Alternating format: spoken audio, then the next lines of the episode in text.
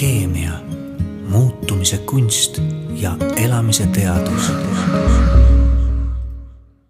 tere tulemast Annel Jurge teraapialaborisse, kus täna käsitleme üht väga huvitavat teraapiavormi, mis on loominguline kirjutamine. ja minu külaliseks on täna endine pikaaegne diplomaat ja käesoleval ajal kirjanik proua Tiia Nightingale. Tere tulemast stuudiosse, Tiia! tere, Anneli! kuidas sa end täna tunned um,? täna on kahekümne esimene aprill. et maailm on suures segaduses ja ongi keeruline nagu oma tunnetega kontakti saada, segadus on aga mul on muidugi hea meel ja suur au, et sa kutsusid mind oma teraapiastuudiosse, olen selle kuulaja olnud pikalt ja mul on väga meeldinud. aitäh kutsumast. aitäh sulle tulemast ja tutvustuseks ütlen, et täna on teraapialabor ümber kujundatud raamatuklubiks. me istume siin mõnusas pilgrimkirjastuse stuudios ja meie ümber on väga kenasti dekoreeritud raamaturiiulid ja seinal on ilus maal. ja räägime täna väga huvitavatest raamatutest, mille oled kirjutanud sina, Tiia. ma kõigepealt õnnitlen sind sinu äh, kõige värskema romaani ilmumise puhul, mille nimi on Kirsi otsib tööd ja mis jõudis raamatupoe lettidele vast üks nädal tagasi jaa, tõepoolest, see on täiesti uus ja värske asi. kirjutasin selle peamiselt küll eelmisel aastal, aga ta jõudis jah nüüd äh, siis ilmumiseni. Ja see on siis teine osa triloogiast, esimene oli Kirsi otsib meest ja teine on Kirsi otsib tööd, kolmas on siis äh, loomisel. kui siia tagakaanele pilku heita, siis äh, sa oled äh, raamatu kohta ise öelnud nii et ähm, see on ähm, sissevaade sellistesse tõsistesse teemadesse nagu tööotsingud, palgalõhe, demograafiast tingitud naise üksindus, sõltumine meestest, paarisuhete haprus, truudusetus ja maailma muutumine. ja kõike seda oled sa väga osavalt ja pikantselt vürtsitanud sellise eluterve huumoriga. ma pean oma kogemustest ütlema, et just see huumor tegi selle lugemise ülimalt nauditavaks.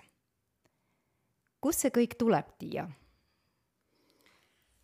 aitäh, hea, hea meel on, kui see minu väikeste vinjettidega maailmanägemine kenasti kohale äh, purjetab täpselt nii, nagu ma olen lootnud, et et jaa, ma kirjutan tõesti läbi huumorinurga asjadest, mis mulle nii eh, endale mm, kõrvalt kui ka nii-öelda elu seest vaadates, kas haiget teeb või muret teeb, siis äh, ainus võimalus äh, ei, ei saa ju lihtsalt hakata inimesi õpetama elama või et tahta muuta väliselt jõuga midagi, et äh, tavaliselt sa vaatled ja ja siis, kui on võimalik, siis sa ähm,, siis sa näed selles ka mingisugustki huumorinurka ja sealt hakkab siis vahest hargnema lahendus.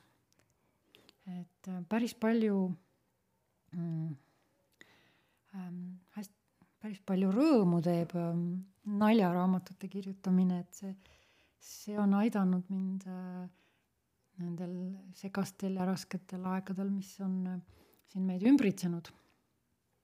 ja mul on sellised äh, välja kujunenud teemad nüüd siis selle triloogia raames, millest ma olen ka kirjutanud, nii nagu sa lugesid siin, et on hästi palju töötuid äh,, nii-öelda kaotanud elu äh, jälje korraks ära kaotanud inimesi, et natuke tuge pakkuda, nad ei ole üksi äh,, kõigele on lahendus äh,, asjadele tasub vaadata otsa äh, Äh, nii seest kui kõrvalt ja püüda leida üles, kui vähegi võimalik, siis äh, mingisugunegi nali elus. Nali päästab ikka päeva. aga palun räägi natuke endast äh, kuulajatele tutvustamiseks. ma sissejuhatuses juba ütlesin, et sa oled endine pikaaegne diplomaat. ja kuidas on olnud sinu karjäär siiamaani? ma mm, välisministeeriumisse läksin tööle tuhande üheksasaja üheksakümne ähm, kuuendal aastal, hästi ammu. ja siis olin üksteist aastat, sealhulgas ka Brüsselis NATO peakorteris julgeolekupoliitika äh,, poliitikadiplomaadina ja tegelesingi NATO teemadega. ning äh, siis olin pikalt eemal äh, erasektoris, töötasin Brüsselis ka Euroopa Parlamendis natuke aega ning äh, uuesti Välisministeeriumisse kutsuti kahe tuhande kuueteistkümnendal aastal siis Eesti ÜRO Julgeolekunõukogu kampaania meeskonda, kus ma siis olin eh, ühe, kahe tuhande üheksateistkümnenda aastani, kui Eesti võidukalt selle kampaania eh, võitis ja, ja Eesti sai olla ÜRO Julgeolekunõukogu ajutine liige kaks aastat, mis oli väga oluline Eesti jaoks. Mm..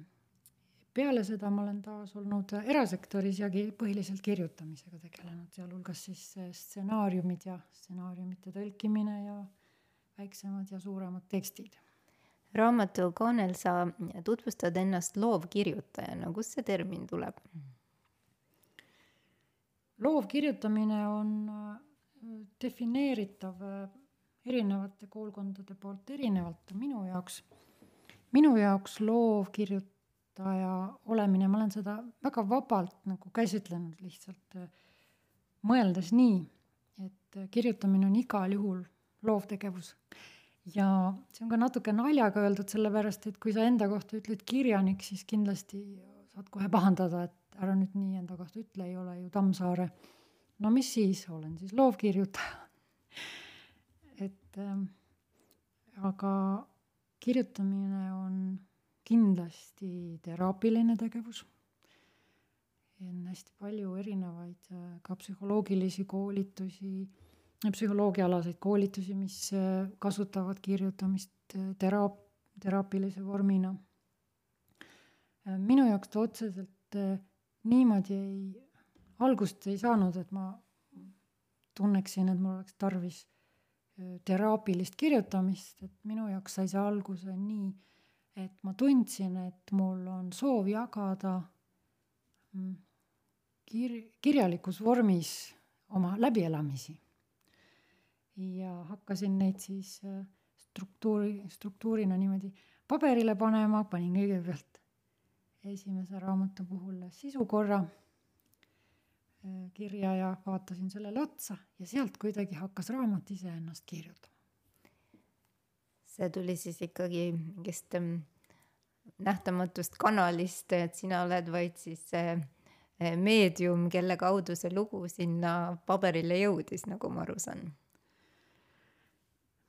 ei teagi, väga erinevaid seisundeid on äh, kirjutades, aga kindlasti, mida ma nagu väga tahaks rõhutada, on see, et tasub julgeda kindlasti, kui, kui on vähekenegi selline tunne, et oi, mul oleks, vot minu elust saab, iga inimene mõtleb, oi, minu elust saaks ühe raamatu, siis ka saabki ja kindlasti tasub kirjutada ja ma olen kuulnud, ma ei tea, kas see vastab täpselt tõele, aga kindlasti on selles väga palju tõtt olen kuulnud, et Islandil kirjutab iga inimene elus ühe raamatu.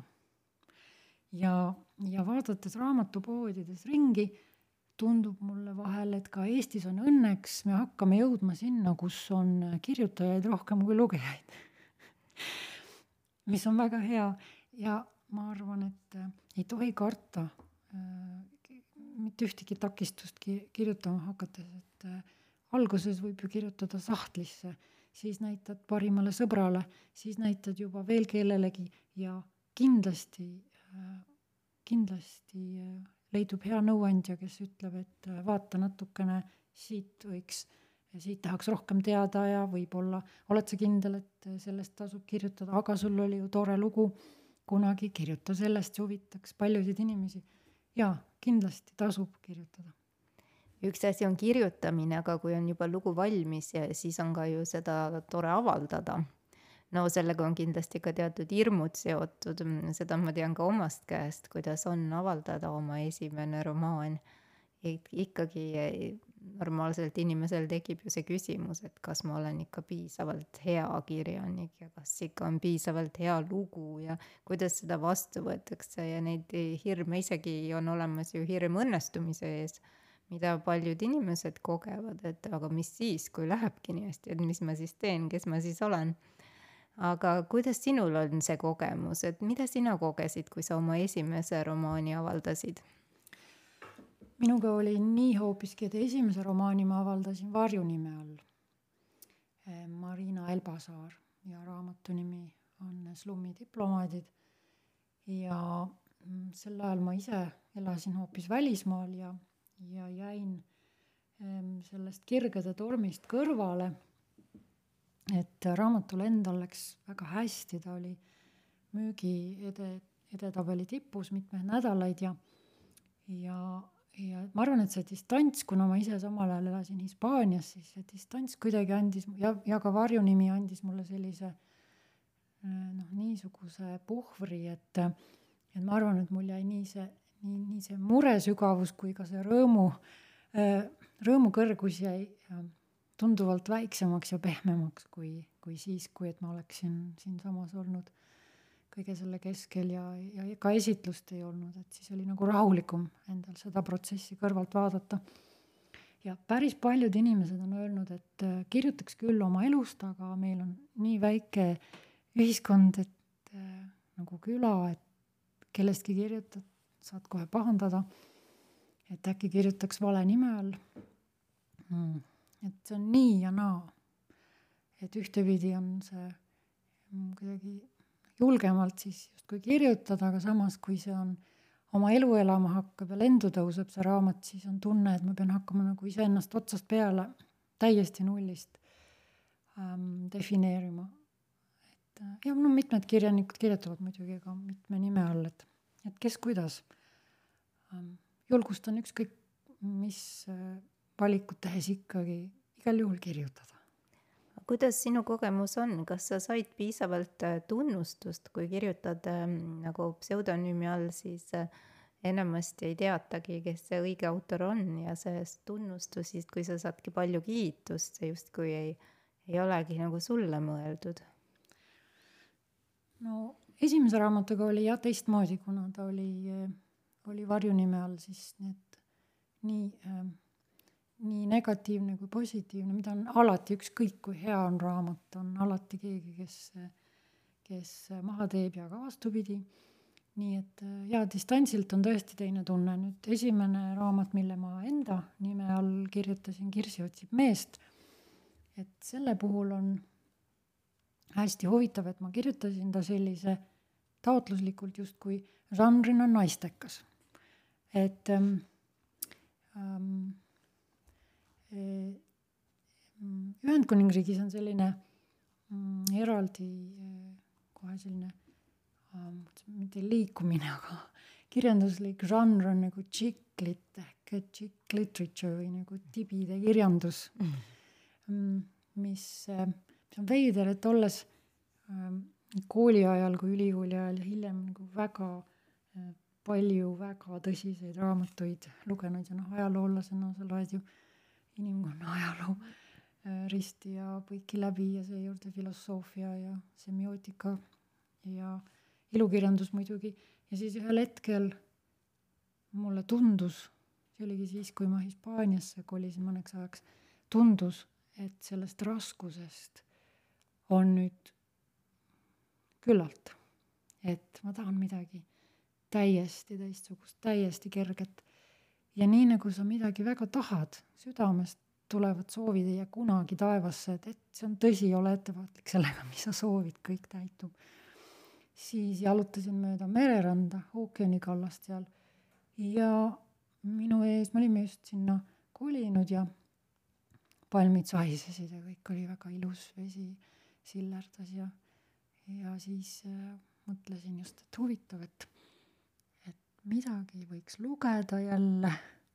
ja siis vaatan, et minust vasakul on uksed avanevad ja seal on, palun väga, terve suur äh, poetäis üheeuroseid äh, inglisekeelseid raamatuid, mis äh, siis inimesed, kuna see oli puhkusesaar, siis inimesed äh, lennujaamast ostavad raamatuid ja jätavad need sinna lihtsalt ja siis see kauplus müüs edasi neid ühe euroga, nii et kõik viimase, viimase moodsad raamatud olid seal pooltasuta siis saadaval. ja sealt ma leidsingi järsku selle tibikirjanduse enda jaoks.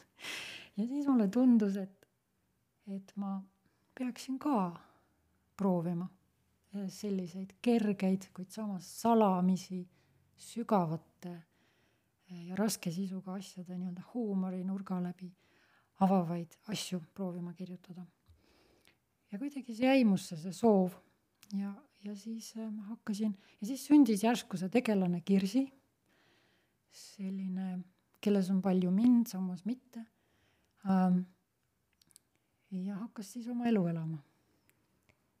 no kes on Kirsi ähm,? no tasub, äh, kui, kui, kui need äh, raamatud läbi lugeda, siis tekib oma tunne igalühel ilmselt, et kes ta on, kas sa tunned, ma arvan, et me kõik tunneme teda. Et ta on mm,,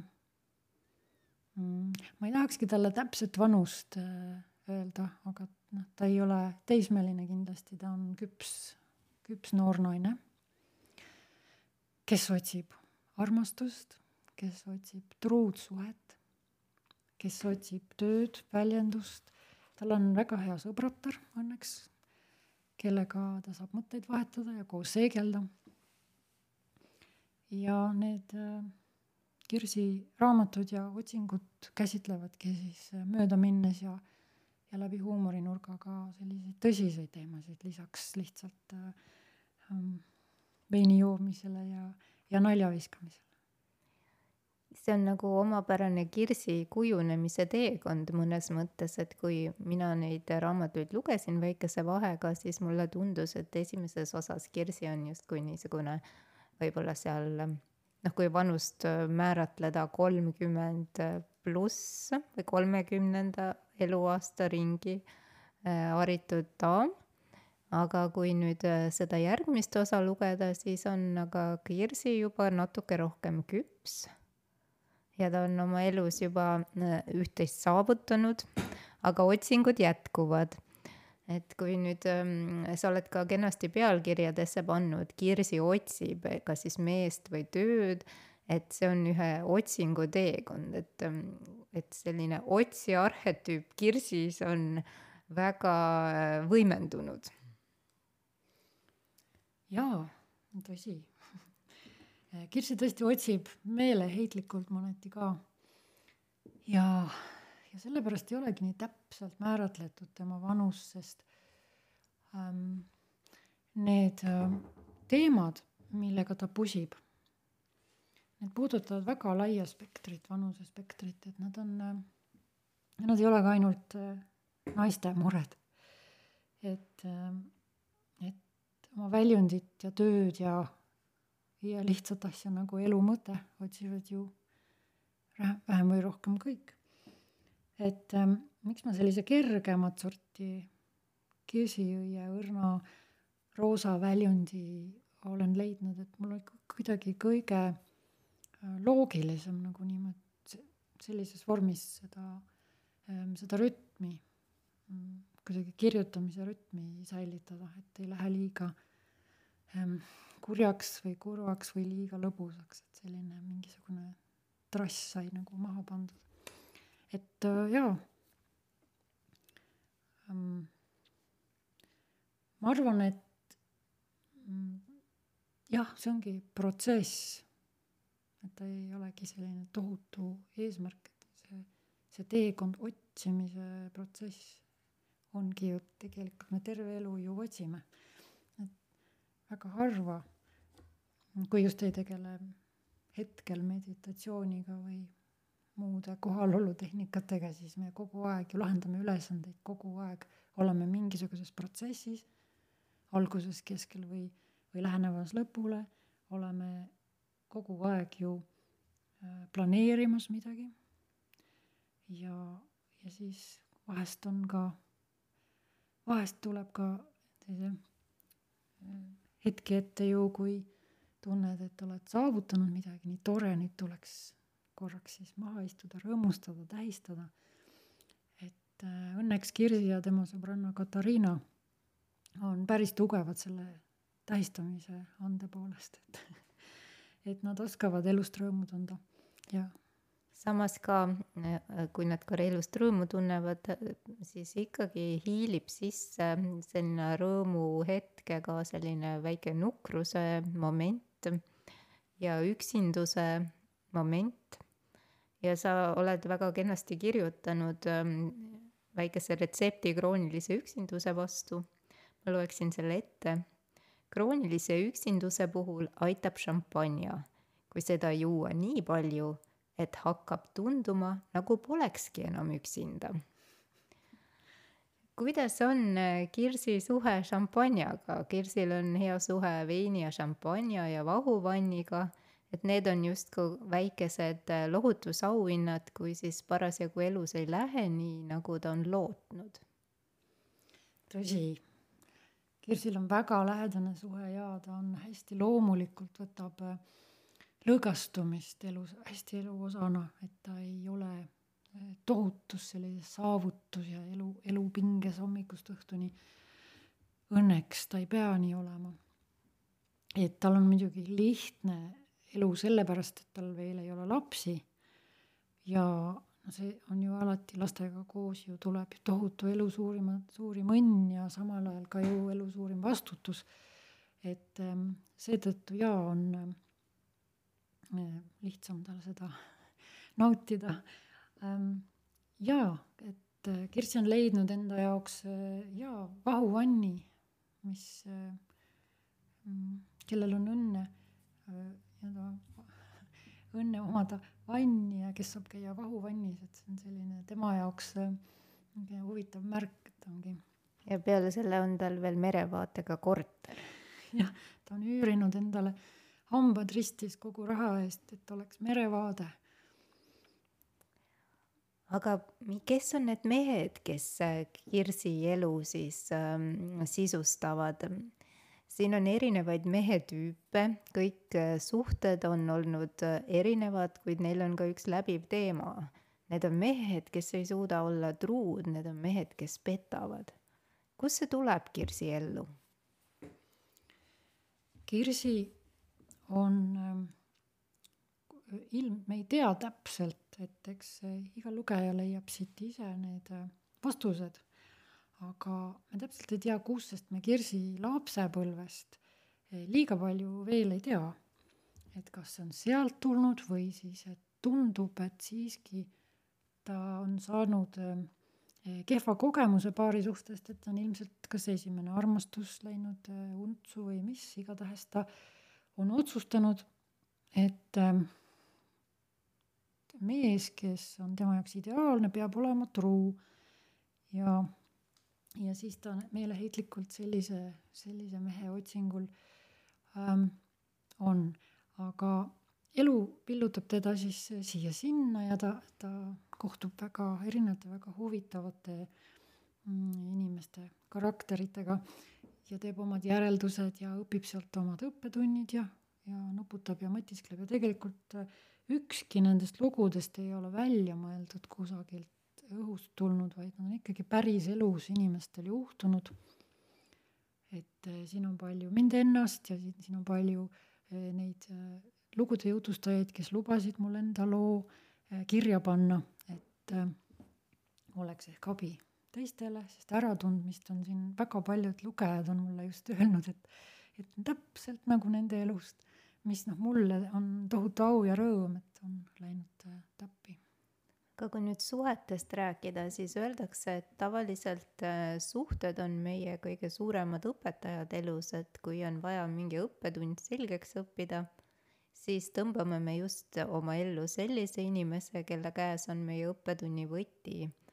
ehk siis need mehed on ka Kirsi ellu tulnud teatud ähm, ideega, et Kirsile siis pakkuda midagi, mingi väärtuslik õppetund, mis see võiks olla inimese puhul, kes ei, ei suuda olla truu, kes on, on petis.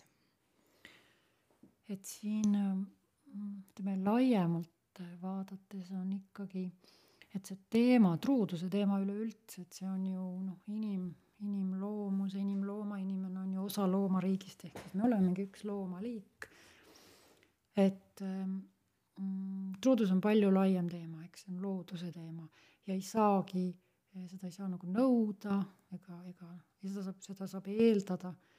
Mm,. samas, et mis see üldse on, et mis asi see truudus on, et üks asi on see, et seda küsimust Kirsi nagu ei esita otseselt seal raamatus, aga samas see raamat sellest räägib, et mis asi see üldse on, et kas seda on tarvis, et see nuputamine läbi nende erinevate kogemuste ja kuidas see üldse võimalik on, kas seda saab üldse olemas olla, et ähm, et see nüüd oleneb ka kultuurist, eks ole, et me mõtleme erinevaid äh, maailma kultuure, et see on väga erinev tähendus üleüldse, selle võimalikkus on erinevad paarisuhte, peresuhte, üleüldse lähisuhte formaadid.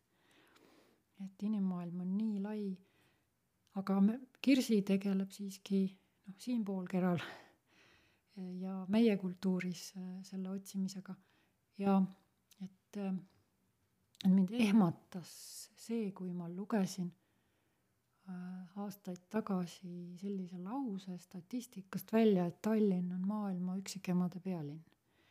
et see vapustas mind nagu hingepõhjani. ja sealt hakkaski kerima kuidagi see Kirsi karakter, et, et kuhu kuhu siis nüüd selle teadmisega minna või mida nagu teha. ja siis järgmine äh, üllatus oli see, et meil on äh, üle kuuekümne tuhande Eestis, eks ju, ähm, Eesti naisi üksinda, et nagu demograafiliselt äh, arvuta, kuidas pidi sa tahad paaridesse, me ei jagune. et me ei saa kunagi öelda, et keegi on üle, vaid et puudu on, et, et see on ju ka miskit moodi väga keeruline probleem, kuidas seda lahendad, sa ei saa ju importida täiskasvanud näiteks mehi Eestisse selleks, et me kõik kenasti paaridesse jaguneksime soovi korral.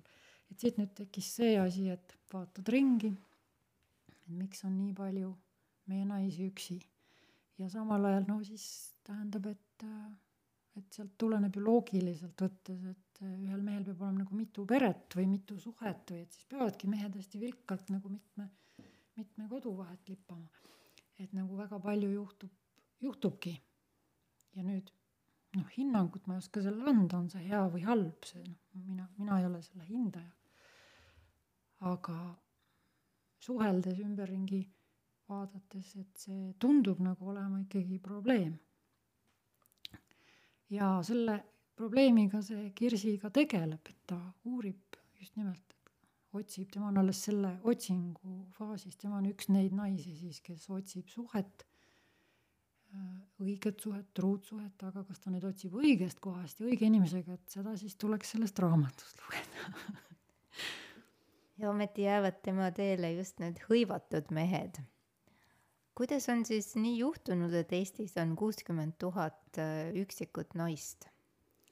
Ma ei oska sellele, ma ei, ma, see on statistiline number, Statistikaameti lehelt saab vaadata, kui arvutused teha meie demograafilisest olukorrast, nüüd on uus rahvaloendus, ma saan aru, et ma ei tea, kas see ähm, sealt välja jok-, tulevad need äh, nagu leibkondade koosseisud või ma täpselt ei oska seda öelda. ma tõesti ei tea, kuidas see niimoodi on juhtunud ja ma ei tea ka, mida teha, et, et ähm, seda olukorda tasakaalustada, aga, aga vaadates nagu faktidele otsa, siis tõesti küpsed naised kolmkümmend viis kuni, kuni ükskõik kui kõrge vanuseni, eks ole ähm,, otsivad kaaslasi, no tänapäeval otsitakse kaaslasi internetist, eks ole, eriti kui kusagil käia ei saa, siis, siis toimivad ka sellised noh, digi, digitaalsed romansid ja kõik, aga sellega kaasnevad ka paljud ohud ja mured, milles, millega tegeleb ka mu äh, triloogia teine raamat Kirsi otsib tööd, kus äh, Kirsi sõbratar armub äh, siis ka kübermehesse ja kõik, mis sellest saab, et, äh, et need on nagu uued moodsad teemad, aga üldine teema, see kaaslase otsing ja, ja üksinduse hirm, et äh, need on tuttavad paljudele, et seetõttu ma julgesin ka neid käsitleda nendes Kirsi raamatutes. sa oled kenasti kirjutanud äh, Kirsi nägemise armastusest. tõelist armastust oli Kirsi filmides näinud. see kaotaks mured, hirmud ja maailmavalu ja annaks elule mõtte Kirsi otsis kirekuuma vaimset armuolendit, kes temale mehe nahas läheneks ja saaks tunda igavest kokkukuulumist. kas selline perfektne olend on üldse olemas? ma arvasin kunagi kunagi unistasin ma muidugi, et selline perfektne on ole-, olend on olemas, kes siis äh, ideaalse mehe kujul tuleb ja, ja tõstab su kätele ja sa, ja siis kannab su õrnalt läbi elu ja kõik on imeilus. siis loomulikult kasvasin ma suureks ja sain aru, et see on palju keerulisem kõik. et paarisuhted on üks suur ka, suur areng õppimine, tohutu rõõm, tohutu mure, armastusega käib ju kaasas tohutu sügavus, tohutu kõrgus, kõik on, kõik on äh, kuidagi täiuslik ja samas täiesti lahtine. aga siis ma kohtasin oma abikaasat, mis minu jaoks oli täielik ime. see on viisteist aastat tagasi. ja, ja ma nüüd tean, et on väga hea väga hea paarisuhe on võimalik ja see ei ole üldse alati ei alga kõige paremad suhted, ütleme ikka vaadates teisi paarisuhteid, siis tundub see muster selline, et kõige paremad suhted ei algagi tohutu kirgede tormi ja draamaga ja meeleheitliku ähm, tundetulvaga, vaid sageli see õige asi kuidagi ilmub rahulikult. Et et, et tegelikult õiged asjad on ikkagi lihtsad, mitte liiga keerulised. et seda mul oli endale väga, ma ei kuidagi tunnistada, et see tõesti niimoodi on, sest ma kogu aeg olin arvanud, et, et kirgede torm on ju see, mis elule värvi annab. Ähm, seejuures äh, just vaimne, ähm, selline vaimne klapp on hästi-hästi, ütleme minu noh, kui ütleme Kirsi ma olen Kirsi suu läbi äh, defineerinud selle ideaalse mehe natuke teisiti võib-olla, kui ma ise defineeriks, et et minu jaoks on väga oluline huumorimeel ja samamoodi ka siiski truudus, et usaldusväärsus. et see on see, et see inimene ei valeta, sul ei ole vaja, me saame kõigega hakkama, tuleb alati mõelda paari suhtes, et sa saad, pead saama kõigest rääkida, sa pead saama usaldada et see on hästi tähtis. meil on teraapiakabinetis äh, tavaliselt selline test, et kui tuleb klient ja teemaks on suhe, siis ma palun tal, et ta kirjutaks paberile viis omadust, mida ta kõige rohkem oma partneris, potentsiaalses partneris hindab. ja siis, kui see on tehtud, siis ma palun, et ta kirjutaks viis omadust, mida ta kõige rohkem äh, siis vihkab või mida ta ei suuda aktsepteerida oma partneri juures. ja siis, kui see töö on tehtud, siis ähm, kliendi üllatuseks saab ta aru, et äh, need omadused on ka temas olemas. et need ongi need tema omadused, mida ta ei ole siiamaani võib-olla teadvustanud. et nii-öelda ideaalset teist inimest äh, ei olegi olemas, et see ongi see meie enese teekond enese juurde, enda aktsepteerimise teekond. ja nagu sa juba ütlesid, rahunemine toimub siis, kui oled rohkem endaga kooskõlla juba saanud ja seetõttu on ka võimalik näha teist inimest sellisena, nagu ta on, mitte niivõrd sellisena, nagu me teda oma ideaalis alguses näha tahame. Kas ka Kirsil on selle teekonna läbimise lõpus äh, äratundmisi tekkinud? no Kirsi on pikal teekonnal. et äh, ma ei tahaks siin neid äh, lõpptulemusi välja öelda, et et reeta nagu seda, nende raamatute sisu, et ma, et ma arvan, et see lugemise mõnu jääb muidu, pigem pakuks jah, lugemise mõnu, et raamatust vaadata, aga see on tõsi. Ma olen väga nõus sellega, Anneli, mis sa, mis sa just ütlesid. et ikkagi kaaslane on ikka enamasti hea peegeldus ja peegel igas mõttes, et, et äh, kuidagi mm, vahest on olnud vestlusi eh, just nimelt selle kaaslase otsingu teemadel, nagu ikka naiste veini, eh, väikestel veinipidudel juhtub, arutatakse ju, ju seda teemat palju.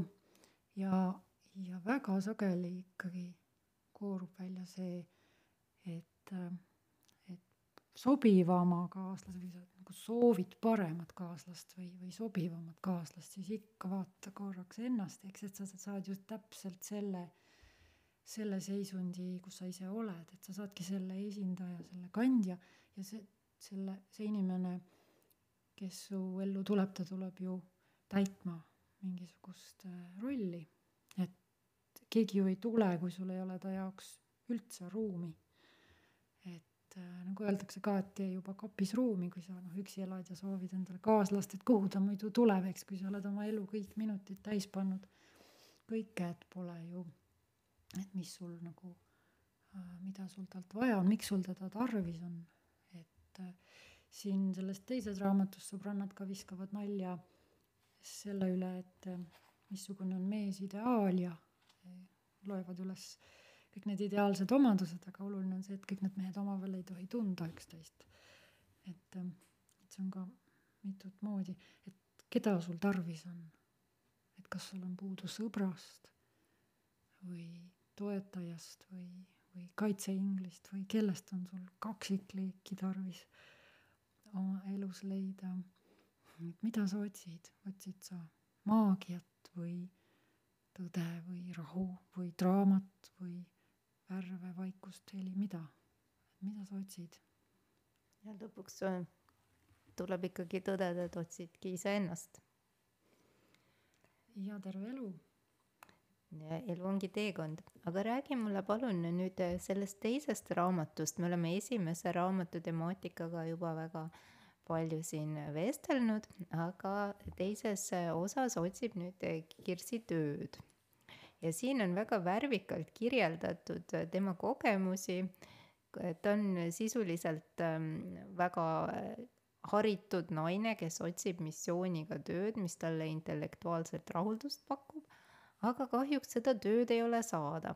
kuidas on sinu kogemused, kas see ongi tänane reaalsus, et äh, üks tark naine, kellel on ka teatud töökogemus, ähm, jääb tööturul kõrvale? jaa jaa, kindlasti on see päris äh, lai ja suur probleem. et meil on, äh, ütleme, ei saa öelda üle, hulgaliselt ülearu üleharitud naisi. Niimoodi öelda oleks vale, sest et äh, kunagi ei ole haritud inimesi liiga palju ähm, meie tööturu jaoks. aga olukord on selline, et on praegu puudu, sest nii nagu siin Kirsi ja Katariina raamatus ka analüüsivad Eesti tööturgu, siis on see paigast ära praegu, hästi segased ajad on. et ähm, mis on hästi rõõmustav, et ettevõtlik vaim on äh, kuidagi Eestis äh, nii-öelda ennast leidnud, me oleme, me oleme äh, väga, me ütleme, noorem äh, generatsioon on kõik ääretult ettevõtlikud ja ääretult tublid. aga meil on äh, ikkagi, kui me vaatame nagu vanuse nii-öelda gruppides, siis, siis ähm, on terve hulk inimesi, kellel ei ole kahjuks võimalik lihtsalt järsku hakata ettevõtjaks, sest vaatame meie turgu, vaatame keeleoskust, vaatame üleüldse, kui puudus ju nõukogude ajal, nõukogude koolis puudus ju üleüldse mingi ettevõtluse, sõna oli keelatud et seda, kui keegi oli millegi poolest majanduslikult ettevõtlik, siis nimetati seda haltuuraks ja see oli keelatud ja see oli, eks ole, kriminaalne kuritegu, majanduskuritegu.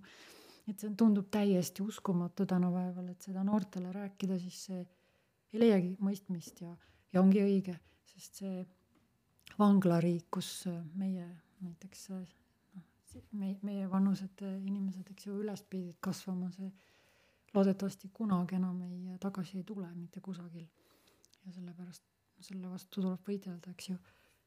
aga, aga ettevõtlik vaim on õnneks Eestis aina laienemas, mis on tore. aga ikkagi on kogu seda asja liiga vähe, sest et midagi on segamini ka selle juhtimises. sest äh, et natuke kreenis on see, et ma ei oska seda niimoodi kiiruga siin äh, lahti analüüsida või ei olegi õi-, noh, meil ei ole nagu tänane teema see, aga, mm, aga ütleme, ettevõtluse ja siis äh, riigi, ütleme, riigisektori osakaal äh, on natukene paigast ära. Ja ettevõtluse ma ütleksin, et ettevõtlust äh, tuleks igal juhul, igal juhul toetada. Kõikide vahenditega, Eesti majandus tuleb saada käima veel paremini, kui ta on ja palju laiemapõhjaliselt. praegu meil on ükssarvikud, meil on IT-sektor ja kui võtta see kokku, see välja joonistada, see graafik, siis ikkagi nagu meie see, nagu öeldakse, see edukas keskklass on liiga õhuke, meil on tarvis seda kasvatada, seda julgustada veel, nii ma arvan, ma võin eksida, aga nii ma hetkel näen. no mis sa ütleksid soovituseks nii ütleme siis kuldses keskeas küpsetele prouadele, kes on tööotsingutel? mis on sinu soovitus? ma, päris keeruline on midagi soovitada, sest ähm, muidugi kõik, ma võin korrata siin, mida Töötukassa räägib, kõik äh, tööotsingute alased koolitused räägivad, et et äh, mõtle välja, mida sa teha tahad kõigepealt, mis su silmad särama paneb ja siis proovi sellel alal tööd leida. see kõik on läbi käidud etapp, korduvalt läbi käidud etapp, aga kust sa seda leiad? et kus on see, mis su silmad särama paneb ja samal ajal sulle leiva lauale toob niisuguses, niisuguses määras, et sa saaksid, mm, eks ole, makstud oma nii-öelda elamiskulud, kes üürib, veel hullem, kes korterit üürib, neil on eriti raske.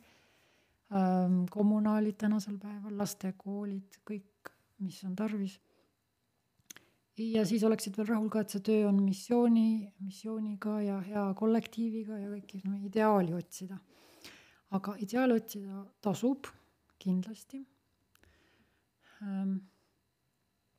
aga äh, ütleme nii, et mina selles äh,, miks ma selle Kirsi otsib tööd raamatu kirjutasin, ongi selle, selle, sellel põhjusel, et ma küsisin eh, sellesama küsimuse iseenda käest ja hakkasin otsima Kirsi, läbi Kirsi seda vastust. ja eks siis nagu raamatus selgub, siis leidsin või mitte et, et see ei ole üldse lihtne teema, et hüpata järsku ähm, juba viisakas vanuses naisterahvana Eestis äh, tööturule ja, ja leida endale ideaalne rakendus. kui ole, väga oleneb, eks ole, meditsiinis äh, inimene on ju õppinud, see on hoopis teistsugune tööturg ka in, infotehnoloogia, eks ju, et kui sa oled eri, eri äh, väga tugeva eriharidusega inimene, oled spetsialist, siis on hoopis teistsugune lugu, aga kui äh,, kui sa oled näiteks äh, humanitaar, sa oled filosoof, sa oled tõlk, sa oled loomingulisel alal, siis äh, aga ei ole niisama ju lihtne, sest noh, näiteks me peame arvestama ju, et me ei saa ju, me riik ei saa toetada lõputult äh, kultuuri ja teisipidi, et, et siin need tasakaalu äh, momendid juba mängivad ähm, aga ikkagi, noh seda ma usun küll, et tuleb otsida midagi, mis äh, sind vähemalt õnnetuks ei tee. ja üks hästi oluline asi tööotsingul, mida mina olen ise kogenud, mis on hästi oluline tõesti, et äh, meeskond, et see nagu grupp kolleege, kellega sa igapäevaselt hakkad äh, koos töötama, et tegelikult sulle see sisetunne või, või kõhutunne ütleb ette, et minul on selline huvitav reegel, et kui ma kusagile sisse marsin nii-öelda, siis ma vaatan ringi, näiteks ma olen ise tööotsingutega mõnda aega tegelenud ja vaadanud erinevates äh, firmades nii-öelda lähed kontorisse ja see on peaaegu sajaprotsendiline reegel, et äh, need näod, need ilmed ja see tunne, mis sind valdab, sama, sama nägu oled sa ise hiljemalt kuue kuu pärast. ja see ei ole kunagi teisiti olnud kas oleks nii kena ja loeks sealt raamatust ühe põneva seiga ette, just see koht, kus Kirsi läheb sinna kontorisse, kus boss on parasjagu golfiturniiril. et siis lugeja saab ka aru, et kui minna sellisesse kontorisse, siis mis teda kuue kuu pärast ees ootab, kui seal juhuslikult töö saamine peaks näkkama ma lugesin seda kohta ja see tõesti kõnetas mind ja alguses ma ei suutnud uskuda, et kas tõesti ongi Eestis niisuguseid kontoreid, kui boss on golfiturniiril, siis teised töötajad vaatavad oma kabineti vaikuses jalgpalli ja söövad krõpse ega taha kellegagi tegemist teha. aga ma usaldan, et see võibki nii olla. Eks need ähm, näited on selline kompilatsioon teatud asjast ja muidugi selline utreerimine ka huumori nimel. et äh, üldiselt ikkagi on hästi meil mm, nii-öelda töö ja, ja kollegiaalse kultuuriga, et lihtsalt markantsemad asjad satuvad raamatusse, et see on selle tõttu, aga et see on vist seesama katkend, mida sa silmas pead, mis Delfiski äh, ilmus, see alkeemia, ma arvan. nii, ma vaatan, see on siin, ahaa, see on lehekülg kuuskümmend kuus et ma ähm,. loe põgusalt palun mõni seik, mis sulle endale kõige rohkem meeldib ja see mm. nagu ikkagi võiks kõnetada paljusid. et võib-olla see äh, intervjuu äh,, intervjuule saabumise osa, et hästi oluline minu meelest, või vähemalt mulle on niisugune tunne jäänud, et ikkagi see, kuidas sind vastu võetakse, et sama esimese, sul ei ole kunagi võimalust kaks korda jätta esimest muljet või teist korda jätta esimest muljet. et see tunne jääb sinuga ja et see, see on küll hea, kui, kui nagu uut inimest hästi vastu võetakse, kuigi on ka huvitav kogemus olnud, kus esimesel päeval naeratasid kõik ja siis, kui järgmisel päeval eh, uuesti saabuda, siis olid kõik juba väga asjalikud, aga kui siis tuli uus inimene, öeldi nii, nüüd naeratage, meil tuleb uus inimene et, see oli ka nii tore eh, näitemäng. aga see lugu on intervjuupäev saabus kiiremini, kui Kirsi oodata oskas. ilm oli ilus, päike kõrvetas, tuult oli imevähe.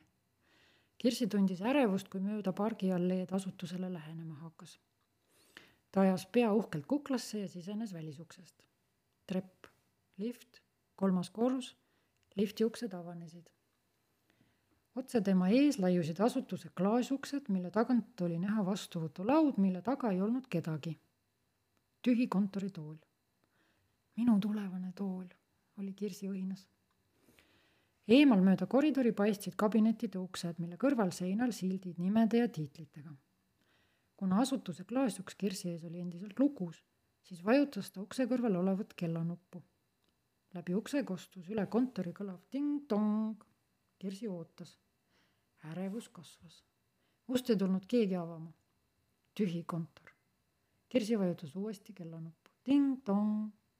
vaikus. mis ma nüüd teen? võib-olla ma tulin valel päeval ja kedagi polegi kontoris, mõtles Kirsi murelikult.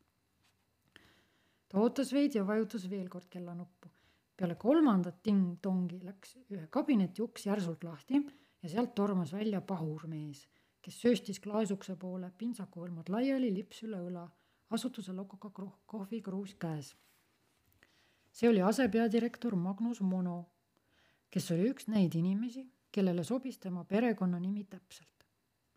Mono nimelt soovis oma elus arvestada ainult iseenda ja oma mõnudega, mitte iialgi kellegi teisega inimesed olid tema jaoks niivõrd tüütud olendid, et ta oli endas välja arendanud võime nende soove isegi mitte märgata, rääkimata arvestamisest. mida silme ees pole, seda pole olemas. mis mulle mõnu ei valmista, on ülearune, uskus Mono, kelle diagnoos oli funktsioneeriv solipsist hedonist. Mono suunas oma mobiiltelefonist mingi äpi ukselukule ja uks avanes klõpsatusega. Kirsi astus sisse vana tuiskas hõlmad laiali edasi kontori kööginurga poole, poolkuuldavalt vandudes. kurat, ma kõigile teile siin uksi avan, ma pole mingi sekretär. ta asetas kohvikruusi jura kohvimasinasse ning vajutas nuppu. Masin soojenes paar sekundit ning hakkas siis surisema ja auru pritsima. lõpuks nirises kaks sentimeetrit topeltkanget espressot otse monokruusi kui masin lõpetas, rabas Mono närviliselt oma kruusi ning marssis pikkade sammudega Kirsit märkamata temast mööda oma kabinetti ning tõmbas enda järel ukse pauguga kinni. vaikus.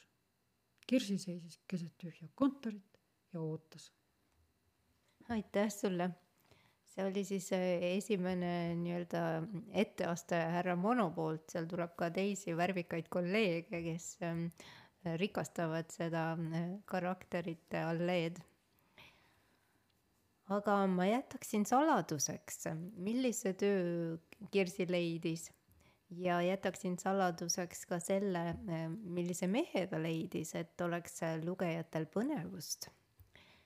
Ja ma palun sind, Tiia, et sa natuke valgustaksid ja võtaksid selle salapära loori, kergitaksid veidi oma tulevikuplaanidelt. sa mainisid siin paar korda, et sa soovid kirjutada Kirsi teemalise triloogia palun avalda siis ja rahulda meie uudishimu, mis on veel tulemas. et natuke vara on veel rääkida, sest kolmas osa on alles eh, ju töös, on vale öelda, ta on loomisel. Kirsi otsib õnne. ja ma täpset pealkirja ei tea, see on praegu töö pealkiri aga kas on juba teada Kirsi õnne definitsioon? praegu veel ei, praegu ei saa veel seda avaldada, see on tõsi, see on tõsi. Aga Kirsi eh, tegutseb päris laial rindel, sest Kirsist on ka mul kirjutatud eh, teleseriaali stsenaarium, mis eh, on ka töös, et, et ta tegutseb ja tegutseb ja otsib erinevaid asju elus. nii et meil on tegelikult lootust varsti Kirsit näha ka siis visuaalselt ekraanidel toimetamas. jaa, väga loodan, et see nii on tõesti, et äh, eks see produktsioonitöö on, on ähm, et mitmetahuline ja, ja pikk protsess, et, et praegu täpselt äh, ei oska, noh, praegu ei saa veel midagi täpset välja lubada, aga jaa, Kirsi elab väga võimsalt oma elu, et mul on väga hea meel, et ta on leidnud oma raja. Ma küsiksin siis veel, et millega sina hakkad tegelema, kui sul mm, pojukesed pesast välja lendavad, kui Kirsi elab juba võimsalt oma elu ja ka kolmas osa valmis saab, mm, kas äh, siis mm, Kirsi jätkab oma seiklusi või sa suunad oma kirjanikupilgu hoopis kuskile mujale? ma väga eh, praegu ei oska sellest, eh, praegu ei, kuna stsenaariumiga on nii palju tööd, et siis praegu hetkel ei oska öelda ähm, selles osas, kui palju jääb aega eh, selle kõrval, aga muidu on mul küll plaanis ja natukene autobiograafilisem asi üks. et aga tõesti, sinna läheb veel, veel hulk aega, et ma niimoodi ette et ma lasen kuidagi elul ja loomingul ja universumil ennast juhtida ja kanda, et ma väga täpselt niimoodi lukku ei löö seda loomingu osa, et ma tunnen, et kirjutamisega on eriti nii, et seda ei tohi kuidagi punnitades teha ja üldse tähtajad on õudusasi. Igasuguses loomingus, seda teavad kõik, kes on, kes, kes jah, nii-öelda loomingut tähtaja peale ükskõik missuguses vormis peavad tegema, et et ühtepidi see võib vägagi sind kuidagi distsiplineerida ja fokusseerida. ja ka väga oleneb, sest mõnikord sa lihtsalt pead kiirustama või, või siis eh, lihtsustama või, või sa noh, leiad mingi hoopis muu haru, haru, mida pidi tahaks edasi minna ja uurida seda teemat ja siis ei ole aega, et, et tekst on noh, mitmekihiline ähm, ma jah, hetkel rohkem ei oskagi nagu öelda äh, selle kirjutamise plaanide kohta. vähemalt ma järeldan sinu jutust, et sinu eh, lähitulevik on ilmtingimata just kirjutamisega seotud. hobina kindlasti. oled kuulnud seda ütelust, et selleks, et olla kirjalik, kirjanik ja naine, selleks on vaja väga palju vaba aega ja vaba raha. kuidas sul sellega on? et äh, ongi mure, et äh, tõepoolest selleks, et äh, Eestis loomingut teha, pead sa olema kas väga rikas või siis ma ei kujuta ette lihtsalt mitte täiesti vaba rahast ühes või teises skaala otsas ähm,. jaa, et ütleme ka, mina otsin samamoodi, tegelikult nii nagu Kirsi, otsin ka mina seda täpset oma sellist enda pusletüki kujulist kohta tööturul, et ähm, et mis samas võimaldaks mul paralleelselt ikkagi kirjutada, sest kirjutamisest noh, ütleme, et äraelamine on keeruline, aga ma tõesti kirjutamist hobina soovitan ikka kõigile, kes vähegi tunnevad, et nad tahavad kirjutada. ja meil on nii tublid ju kirjastajad olemas, näiteks no meil on tõesti väga erineva suunaga kirjastusi ja, ja on väga selliseid loomingulisi enesearendus, Pilgrim on tõesti suurepärane ikka Äh, kirjastused saab alati ju nõu küsida ja, ja otsida erinevaid nagu võimalusi, vormilisi lahendusi, et, et küll julgustan. millist tagasisidet sa oled saanud siiamaani oma Kirsi lugudele? üldiselt ikka väga hea, mul on kohe rõõm, et, et mis on üllatav olnud, on see, et minu Kirsi raamatutel on ka meessoost lugejaid väga palju, mida ma imesta tore, et sa ei imesta, sest et ma ise olin hästi üllatunud ja et küll eh, esimese Kirsi raamatu puhul Kirsi otsib meest, on eh, meeslugejad eh, öelnud, et, et kuna see kaanepilt on kaunis poolpaljas naine vahuvannis, et siis ütleme selline, et avalikus kohas see raamat käes ühistranspordis näiteks, et kuidagi nagu ei julgenud lugeda, et vaikselt kas siis naise öökapilt või siis omaette on ikkagi neid meeslugejaid päris palju, kes on, kes on Kirsile kaasa elanud. et ma olen hästi õnnelik, et mu lugejad on saanud äh, naerda ja, ja kaasa elanud tema murele ja samas kokku, et on tonaalsus jäänud selline just nimelt kerge meelelahutus on, on see taotlus. et, äh, et jah, see ongi olnud nagu taotlus ja ja selles osas ma arvan, on see tagasiside küll väga hea. Ma olen ka arvamusel, et ähm, sellisel ajal, nagu me praegu kogeme, ongi seda meelelahutust teinekord inimesele just väga vaja, et ta lihtsalt saab ennast välja lülitada ja oma mõttemaailma kuhugi mujale suunata kui nendele uudistele, mis pidevalt meid ümbritsevad. Ja, ja see tekitab masendust, et selles mõttes on Kirsi seiklused äh, väga soovitatav lektüür ja ma julgelt soovitaksin neid kõigile. kui vähem midagi muud, siis väikese äratundmisrõõmu leiab sealt küll igaüks. ja ma tänan sind, Tiia, et sa täna tulid ähm, minu teraapialaborisse ja saime ka sellele kinnitust, et loovkirjutamine võib olla just üks väga hea teraapiavorm, kui inimesel on ikkagi jäänud mõned kogemused äh, jagamata või on jäänud mõned seigad oma elust lahti rääkimata, mida nad ei ole julgenud teha või on pidanud seda mitte sobilikuks, siis see kirjutamine on viis, kuidas neid pingeid vabastada ja endale kergust ja ilgust ellu juurde tuua. sina oled seda suurepäraselt äh, siin propageerinud ja sinu näite varal võib täiesti usaldada, et see toimib. ma tänan sind. aitäh tänan ka kõiki kuulajaid, kes te meid siin podcastis kuulete Delfi alkeemia vahendusel.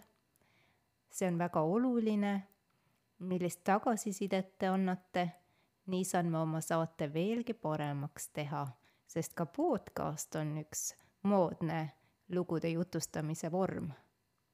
ja seda tuleb arendada. suur tänu